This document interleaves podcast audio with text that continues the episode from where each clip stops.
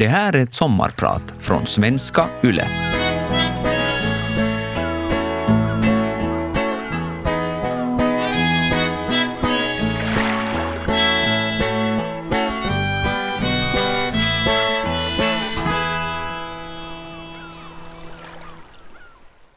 Gymnastiklektionen är över och ett gäng pojkar står i omklädningsrummet.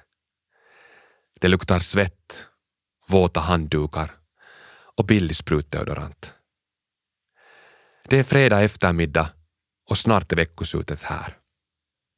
Äntligen. Den iver och glädje över att gå i skolan som jag tidigare känt är nu borta. En av killarna i klassen kommer gående mot mig med bestämda steg. Han kopplar ett grepp om mig så att jag inte kommer undan. Jag blir överraskad. Också om den verbala mobbningen har pågått en tid har ingen tidigare gett sig på mig fysiskt. Han tar tag i mig och slänger en del av mina kläder på golvet. De andra i utrymmet tittar på. Snart är jag utan kläder. En obekväm situation för de flesta av oss. Fruktansvärt pinsamt för en liten rund pojke. Jag är rädd. Äntligen kommer en annan kille emellan och hjälper mig. Jag plockar snabbt ihop mina saker som ligger utspridda över golvet, klär på mig, längtar hem och är tacksam över att helgen snart är här. Jag vågar inte säga ifrån. Jag vågar inte berätta för läraren. Inte ens hemma berättar jag vad som hänt. Jag skäms och väljer att vara tyst. Illamåendet gör mig helt passiv. Under den gångna våren har det talats en hel del om mobbning i media. Efter det fruktansvärda och helt obegripliga som skedde i Forsby i Helsingfors, där en tonåring i vintras misshandlades till döds av sina så kallade kompisar. Mina upplevelser av mobbning är naturligtvis av helt annan sort. Jag varken kan eller vill jämföra det som hände mig med det som hände den här pojken. Eller jämföra mig med någon annan som utsatts för mobbning. Allas upplevelser av mobbning är helt personliga. Allas upplevelser sätter spår, som troligtvis följer en hela livet. Mobbning är ett vardagligt fenomen och jag tror att flera av er lyssnare känner igen er i mina berättelser. Det är just därför det känns betydelsefullt att tala om mobbning. Trots att det är cirka 15 år sedan jag fick uppleva mobbning i skolan sitter ärren kvar. Och fortfarande, till en del, skäms jag, märker jag. Det känns obekvämt att tala om det i offentligheten. Men just därför tänker jag försöka göra det. Jag heter Henrik Wikström. Jag är politiker och vice ordförande för Svenska folkpartiet och idag är jag din sommarpratare.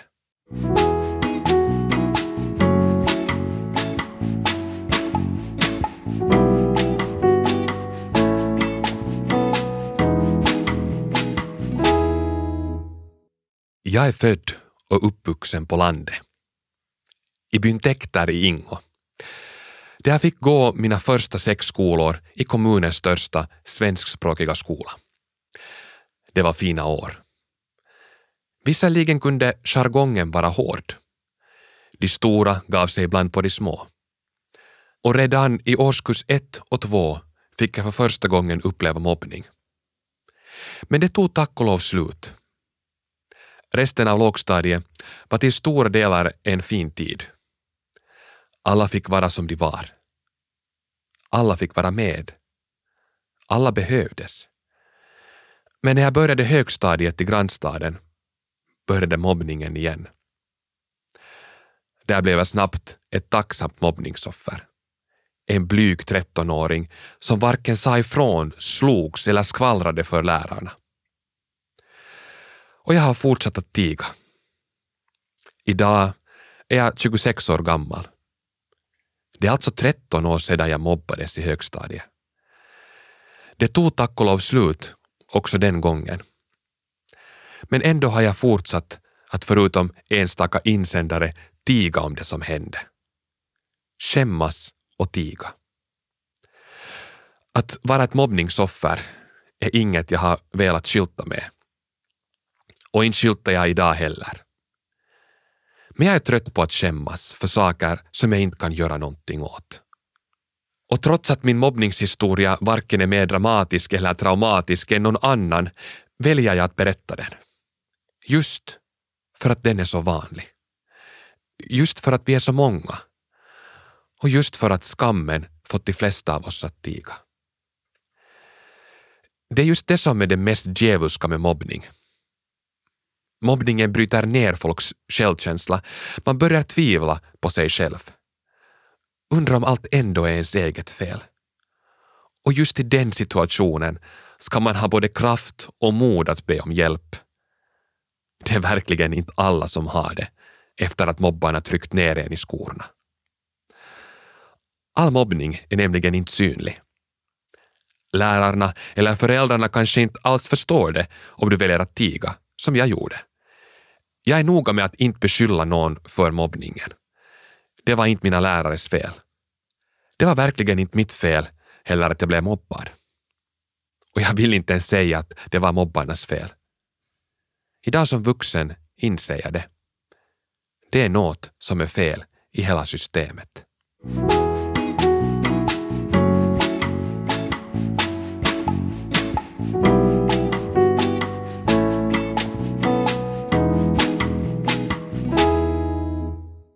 Jag har satt mycket tid på grubbel och funderingar kring varför just jag utsattes för mobbning. Egentligen allt för mycket tid. För det är faktiskt helt ointressant varför någon blir mobbad, tycker jag.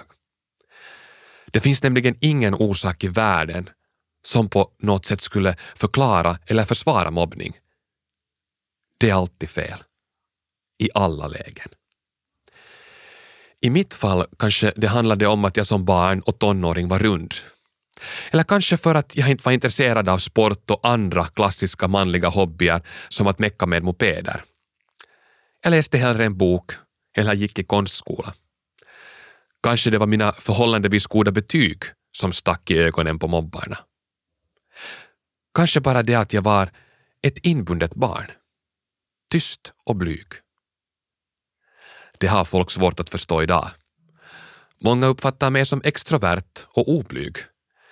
Dels i min roll som politiker, dels som amatörskådespelare på olika sommarteatrar i Västnyland. Men det har varit en lång väg fram till det. Som barn var jag extremt blyg och skulle aldrig frivilligt ha ställt mig på en scen. Jag kände mig otrygg i sociala situationer utanför familjen och släkten. Jag ville ogärna ta plats, synas eller höras. Jag var rädd för att göra bort mig. Jag tyckte istället om att iaktta och betrakta situationer från sidan. Min blygsel var egentligen inget större problem för mig. Det var nu bara sån jag var. Jag höll mig gärna i bakgrunden och trivdes med det.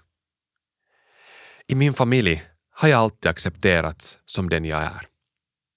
Jag är glad att jag fått växa upp i en så kärleksfull miljö där vi alla alltid visat respekt för varandra.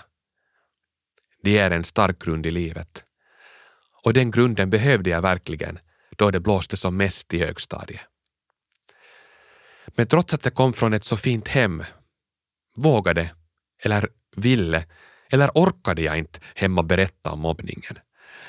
Jag valde att bära allt helt ensam. Vilket förstås var dumt gjort. Det gjorde det hela ännu tyngre att bära. Idag när jag ser tillbaka på det vet jag inte varför jag valde att göra så. Jag minns inte hur jag tänkte. Kanske jag inte ville oroa mina föräldrar. Kanske jag tänkte att det snart nog skulle gå om av sig själv. På samma sätt som allt bara uppstått av sig själv. Eller kanske jag helt enkelt inte kunde sätta ord på allt. Hur ska ett barn veta hur man ska agera? Jag utsattes sällan för fysisk mobbning. Det handlade mest om utfrysning, elaka ord, förtal och ryktesspridning. Saker som är svåra att greppa och förstå och förklara i ord. Till och med för en vuxen. För mig som barn kändes det helt omöjligt. Men framför allt skämdes jag. Det var antagligen skammen som fick mig att tiga. Skammen över att vara den som inte fick vara med.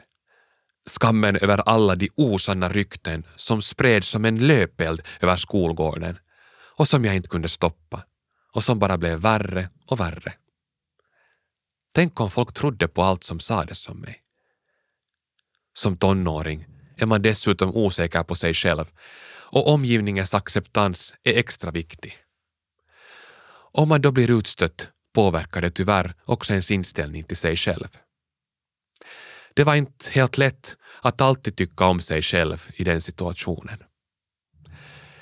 En gång när allt kändes extra jobbigt tog jag mod till mig och berättade för en lärare om vad jag gick igenom. Tyvärr ledde det ingen vart. Det togs inte på något större allvar.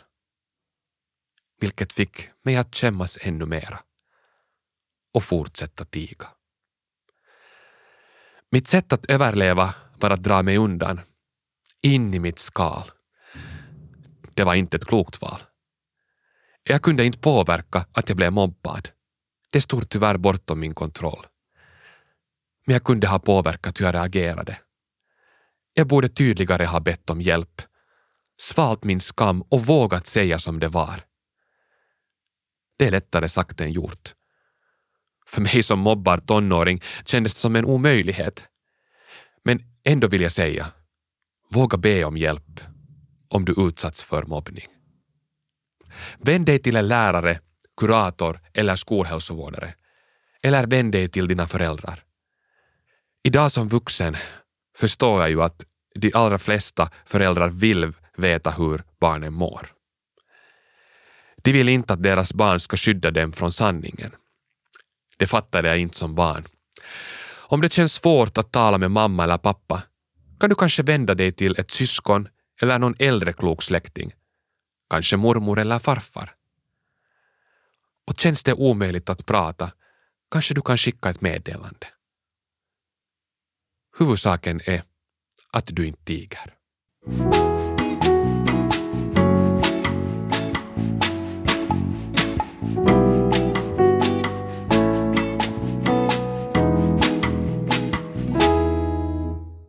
Ingen tycks veta exakt hur många människor som upplever mobbning i sin vardag i Finland. Främst för att mörkertalet är så stort, det finns allt för många som väljer att tiga, så som jag gjorde och har gjort. Men när jag letar efter siffror på nätet hittar jag på flera ställen siffran 15 procent. 15 procent av alla barn och unga i dagens Finland upplever eller har upplevt mobbning i skolan eller på fritiden.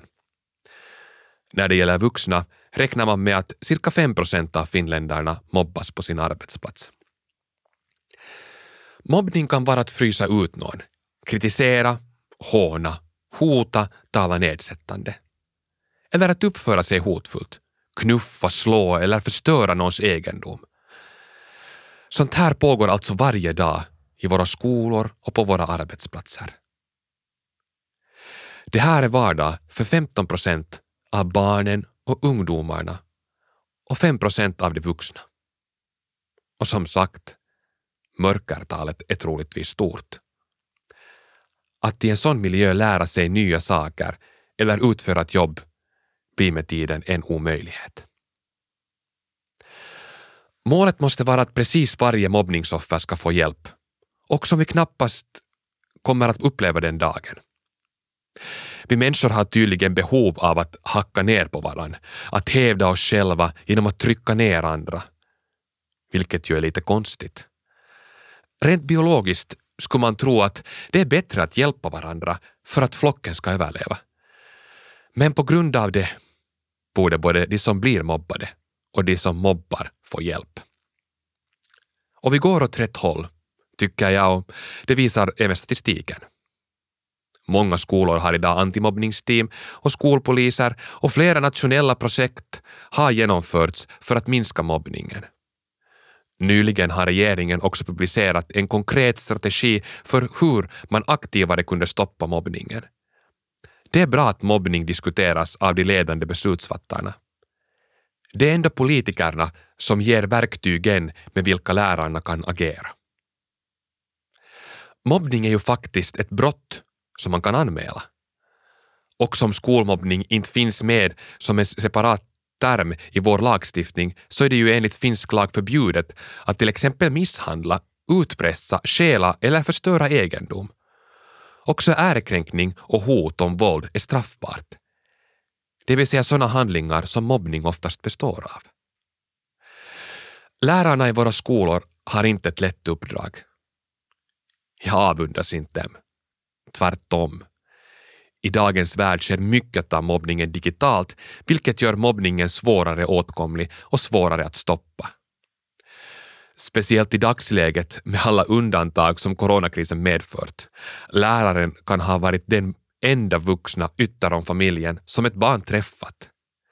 Lärarens betydelse för barnet har varit speciellt stor just nu i dessa märkliga tider. Ännu finns det mycket jobb att göra. Framförallt tror jag att det handlar om att väcka de så kallade medlöparna. De som tysta står och ser på och inte hindrar mobbningen. För att de inte vågar av rädsla för mobbarna eller för att de inte vill blanda sig i. Vi människor kan delas in i tre grupper. De som mobbar, de som blir mobbade och de som står bredvid. Om fler och fler av de som står bredvid är beredda att rycka ut och vara en medmänniska som hindrar mobbning är vi långt på väg tror jag. Som den där killen i omklädningsrummet som hjälpte mig när jag stod där utan kläder inför mina skolkompisar. En höll i mig, resten såg på. Och bara en vågade hjälpa.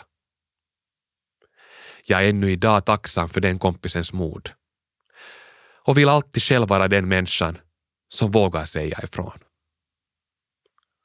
Hoppas att också du vill vara det.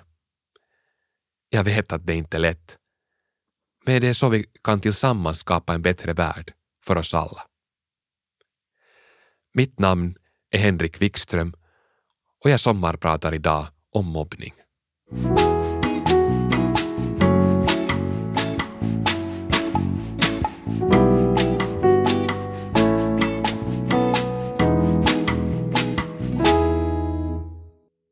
Min del började alltså mobbningen för första gången redan i årskurs 1 och 2 för att avta. Och sen igen ta ny fart när jag började högstadiet. Mobbningen, det vill säga ryktesspridningen, förtalet och utfrysningen började nästan direkt och pågick hela sjuan. Det var en tung tid. En ny skola i grannstaden med en massa obekanta människor som jag inte visste namnet på men som nog helt tydligt visste vem jag var. Och som hade hört de falska ryktena som spreds. Ett ord kan kännas värre än tio fysiska slag. Det finns ord som jag ännu idag reagerar på. När jag hör orden i ett helt neutralt sammanhang, där det inte alls riktas till mig, kan det fortfarande hugga till. Ord som bög och homo. Eftersom jag skämdes la jag all energi på att få det hela att se normalt ut. Se ut som jag inte brydde mig. Vilket jag förstås gjorde. Det kändes som att leva i en mardröm. Det var helt overkligt och svårt att greppa. Och som sagt svårt att beskriva i ord. Jag drog mig undan och kände mig som den ensammaste människan i hela världen. Framtiden kändes skrämmande. Hur länge skulle det här pågå? Skulle mitt liv alltid se ut så här? Jag försökte koncentrera mig på undervisningen, på läxorna, på att överleva på resan från veckoslut till veckoslut. På åttans vår hände något som kom att bli min räddning. Min pappa hade sett i lokaltidningen att Sommarteatern vid Svartå slott i grannstaden Raseborg letade efter ett par ungdomar till sommarens pjäs. Tre år före det här, då jag var elva år gammal och gick i femman, hade jag för första gången vågat mig upp på scen. Jag var även med i en pjäs i skolan på sexan och kände genast att teater är min grej, trots att jag var så blyg som barn. Eller kanske just därför. När man spelar teater är man inte sig själv. Man är någon helt annan och det passade mitt unga, blyga jag. Samtidigt är man väldigt naken på scenen. Det är just du som person som gestaltar en annan. Så jag svarade på den där tidningsannonsen, fick gå på audition och fick den ena ungdomsrollen i pjäsen. Och genom det ett drömsommarjobb. Att just jag valdes ut bland många sökande var en viktig sak för mitt självförtroende, som var helt i botten efter ett år av mobbning. Men här dög jag. Här fick jag vara med. Det var som att den sommaren på något sätt helade mig. Det var en fin grupp med människor i olika åldrar. Alla fick vara som de var, unga och vuxna, kvinnor och män. Alla sorters känslor var tillåtna. Men allra mest var det glädje och skratt och humor. Det var högt i tak. Eller det fanns inget tak alls. Helt konkret. För vi spelade ju teater utomhus i både solsken och regn. En fantastisk sommar som nog förändrade mig. För när jag började med nian, efter den sommaren, var den värsta mobbningen borta. Kanske inte var det en natt eller ett sommarlov. Men snabbt nog klingade det av. Jag har funderat mycket på att vad var det som hände? Kanske vi alla vuxit och insett vad är rätt och vad är fel. Eller kanske hade förändrats efter en sommar på teaterscenen med nya accepterande vänner i alla åldrar. Applåder och recensioner. Men framför allt acceptans. Det var som att allt det där hade stärkt mig så att de sårande orden inte längre nådde fram.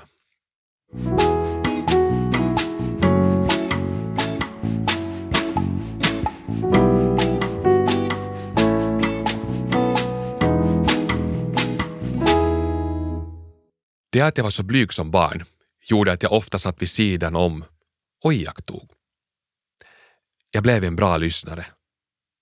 Och en kritisk lyssnare. Jag tyckte om att ta in det som människor med högljudda åsikter sa. Vända och vrida och fundera på allt de hade åsikter om. Stämde det? Var det faktiskt så, så som de påstod? Jag vågade inte alltid säga till när jag inte höll med. Men jag tänkte mycket. Det här gjorde mig analytisk redan i ung ålder och det utvecklade sig så småningom till ett samhällsintresse. Också på småorter finns det människor som far illa. Det såg jag och jag kände att jag gärna ville göra något för dem. Samhället visar sin styrka genom det sätt man tar hand om de svagaste. Och genom att engagera sig politiskt kan man vara med och påverka. Med det som utgångspunkt ställde jag upp i mitt första kommunalval som 18-åring. Jag hade ingen politisk erfarenhet före det. Inte heller mina föräldrar, syskon eller andra släktingar hade varit med i politiken. Som tonåring hade jag suttit med i några föreningars styrelser och varit ordförande för elevkåren i gymnasiet. Det var allt. Jag kastade mig ivrigt in i valkampanjen med hemgjorda, självtryckta flygblad, några inlägg i sociala medier och många torgträffar. Och till min stora förvåning blev jag ju faktiskt invald i Ingos kommunfullmäktige. Bara 18 år gammal. Det kändes bra. Otroligt bra. I samband med valet dök några falska rykten från min barndom upp. Det kändes inte bra. Jag tänkte, hur länge ska det som drabbade mig som skolbarn hänga över mitt liv?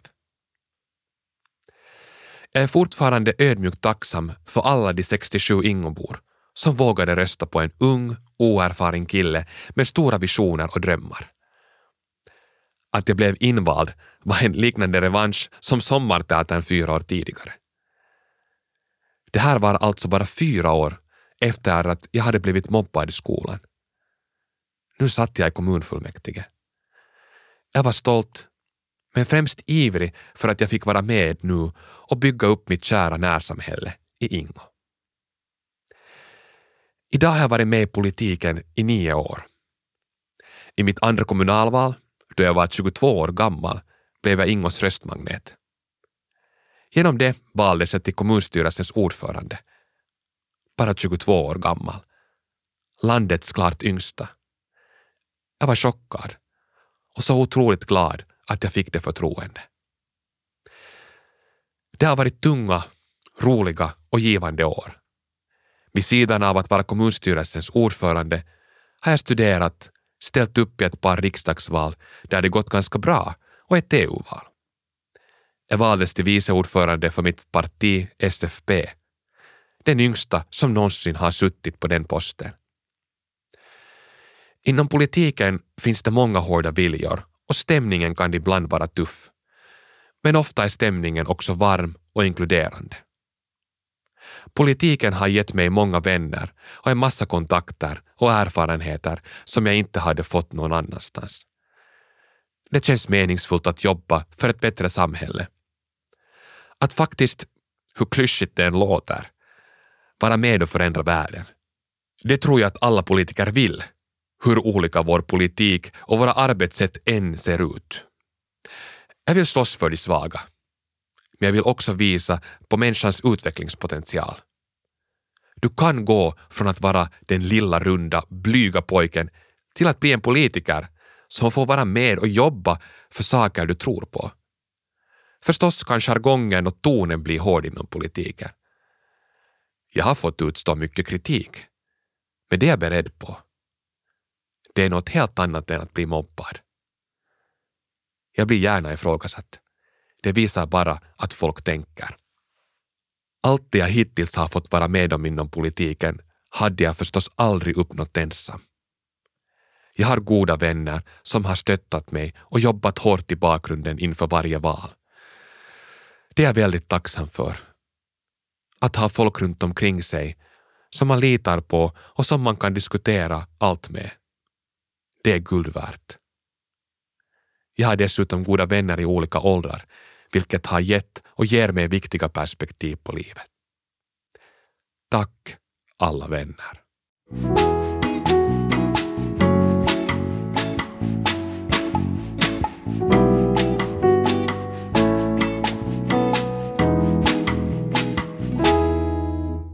Jag är hemma från en liten ort där alla känner alla. Och det är också på det lilla lokala planet som jag hittills har varit politiker. Det finns många fördelar med ett litet samhälle. Framförallt tryggheten, småskaligheten, närheten. Alla känner alla, eller tror sig i alla fall göra det. Tyvärr kan småskaligheten ibland också föda skvaller. Som vuxen är det lättare att ta det.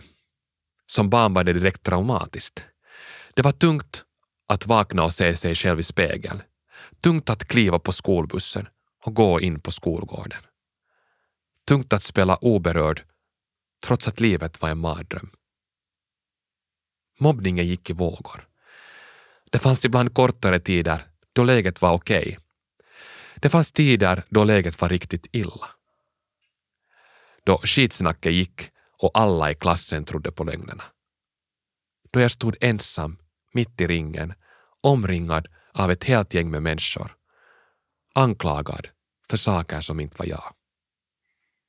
Det här folk genom att tiga gav mobbarna rätt. Ingen frågade mig hur det egentligen var. Och ensam hade jag som trettonåring inte kraften och modet att slåss för mig själv och sanningen.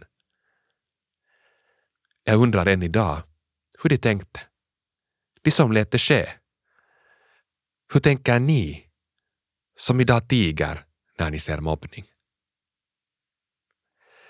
Jag gissar att det kanske handlar om rädslan för att själv bli mobbad. Och om gruppdynamik. Vi människor är flockdjur och lever tillsammans. Vi söker, får och tar olika positioner i en grupp eller i alla grupper som vi är medlemmar i. Familjen, släkten, skolklassen, fotislaget, arbetsplatsen eller fullmäktigegruppen. Någon blir ledare. De flesta lyssnar och följer med. Någon enstaka vågar ifrågasätta. Trots att jag blev mobbad i skolan en del av min barndom är jag idag inte längre arg på någon för det jag fått uppleva. Jag känner ingen ilska, varken mot mobbarna eller medlöparna. De värsta mobbarna har jag inte sett på över tio år. Andra springer jag på ibland. Flera av dem har jag till och med blivit bekant med. Det bevisar att folk kan förändras. Med en del av dem har vi aldrig diskuterat mobbningen. Med andra har vi gjort det och de har bett om förlåtelse och sagt att de aldrig förstod vilka konsekvenser mobbningen fick. Och det ger mig hopp. Människor kan förändras. Det enda som krävs är att man blir medveten om mobbningen, vilka konsekvenser det får. Och så krävs förstås en genuin vilja att förändras. Vi måste fortsätta utbilda och stödja personalen i skolor och i dagisar. Mycket har blivit bättre, vilket är ett bevis på att antimobbningsarbetet faktiskt funkar. Men som sagt, 15 procent av barnen och ungdomarna idag upplever eller har upplevt mobbning. Siffran måste ner. Och det kräver modiga politiska beslut som åtminstone jag brinner för att fatta.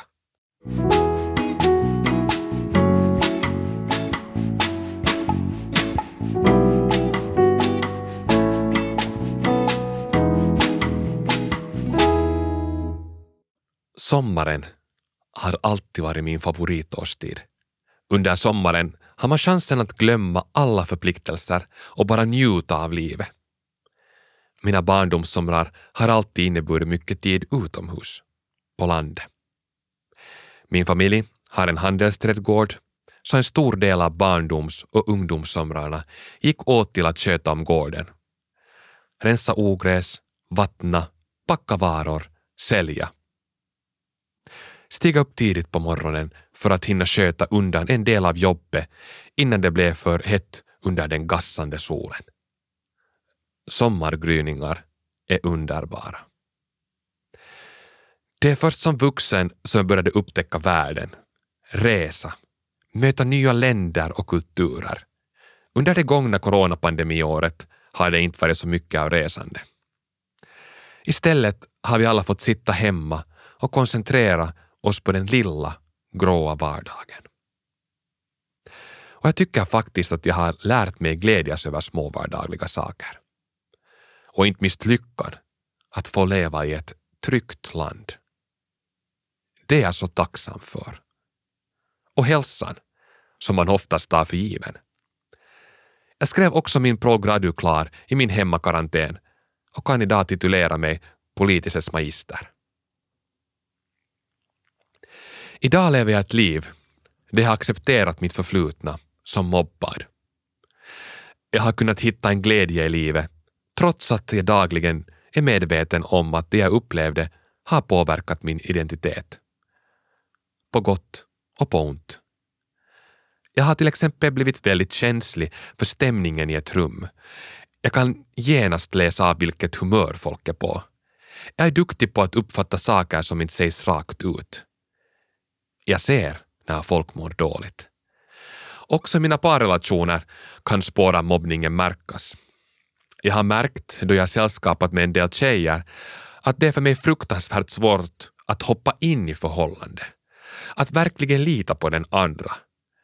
Men jag har hört av mina äldre, kloka vänner att man nog känner på sig då man träffat den rätta. Ännu har det inte skett. Men det är något jag hoppas på. Vi vill ju alla uppleva kärlek, omtanke och glädje. För mig är det viktigt att stämningen är god.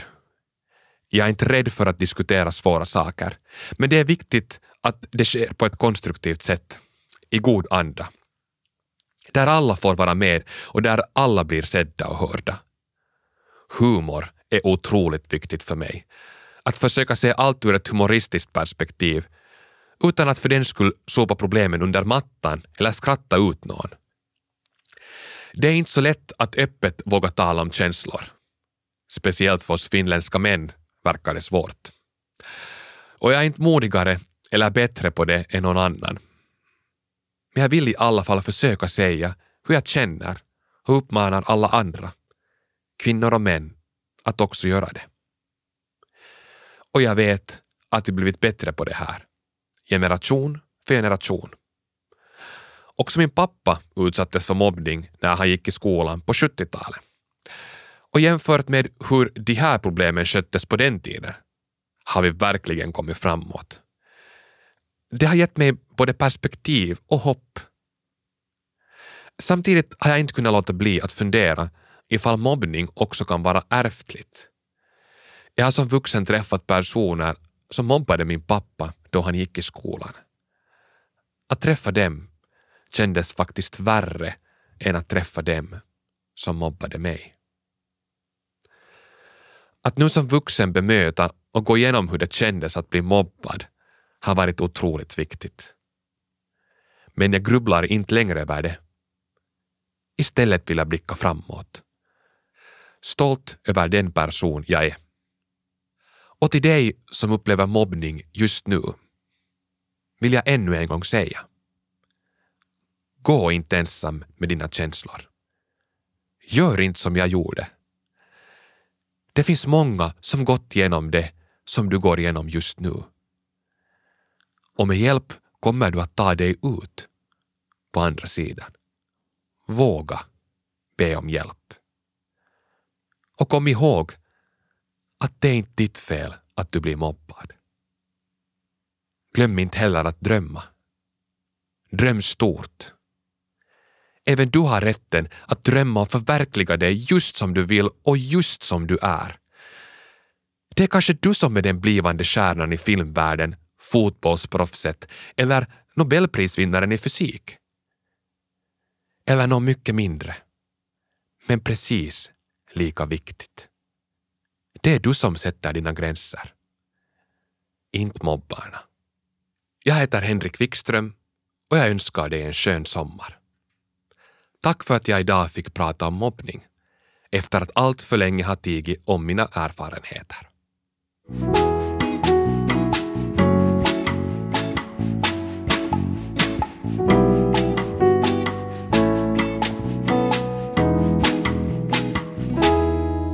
Vegas sommarpratare produceras för Svenska Yle av Parad Media.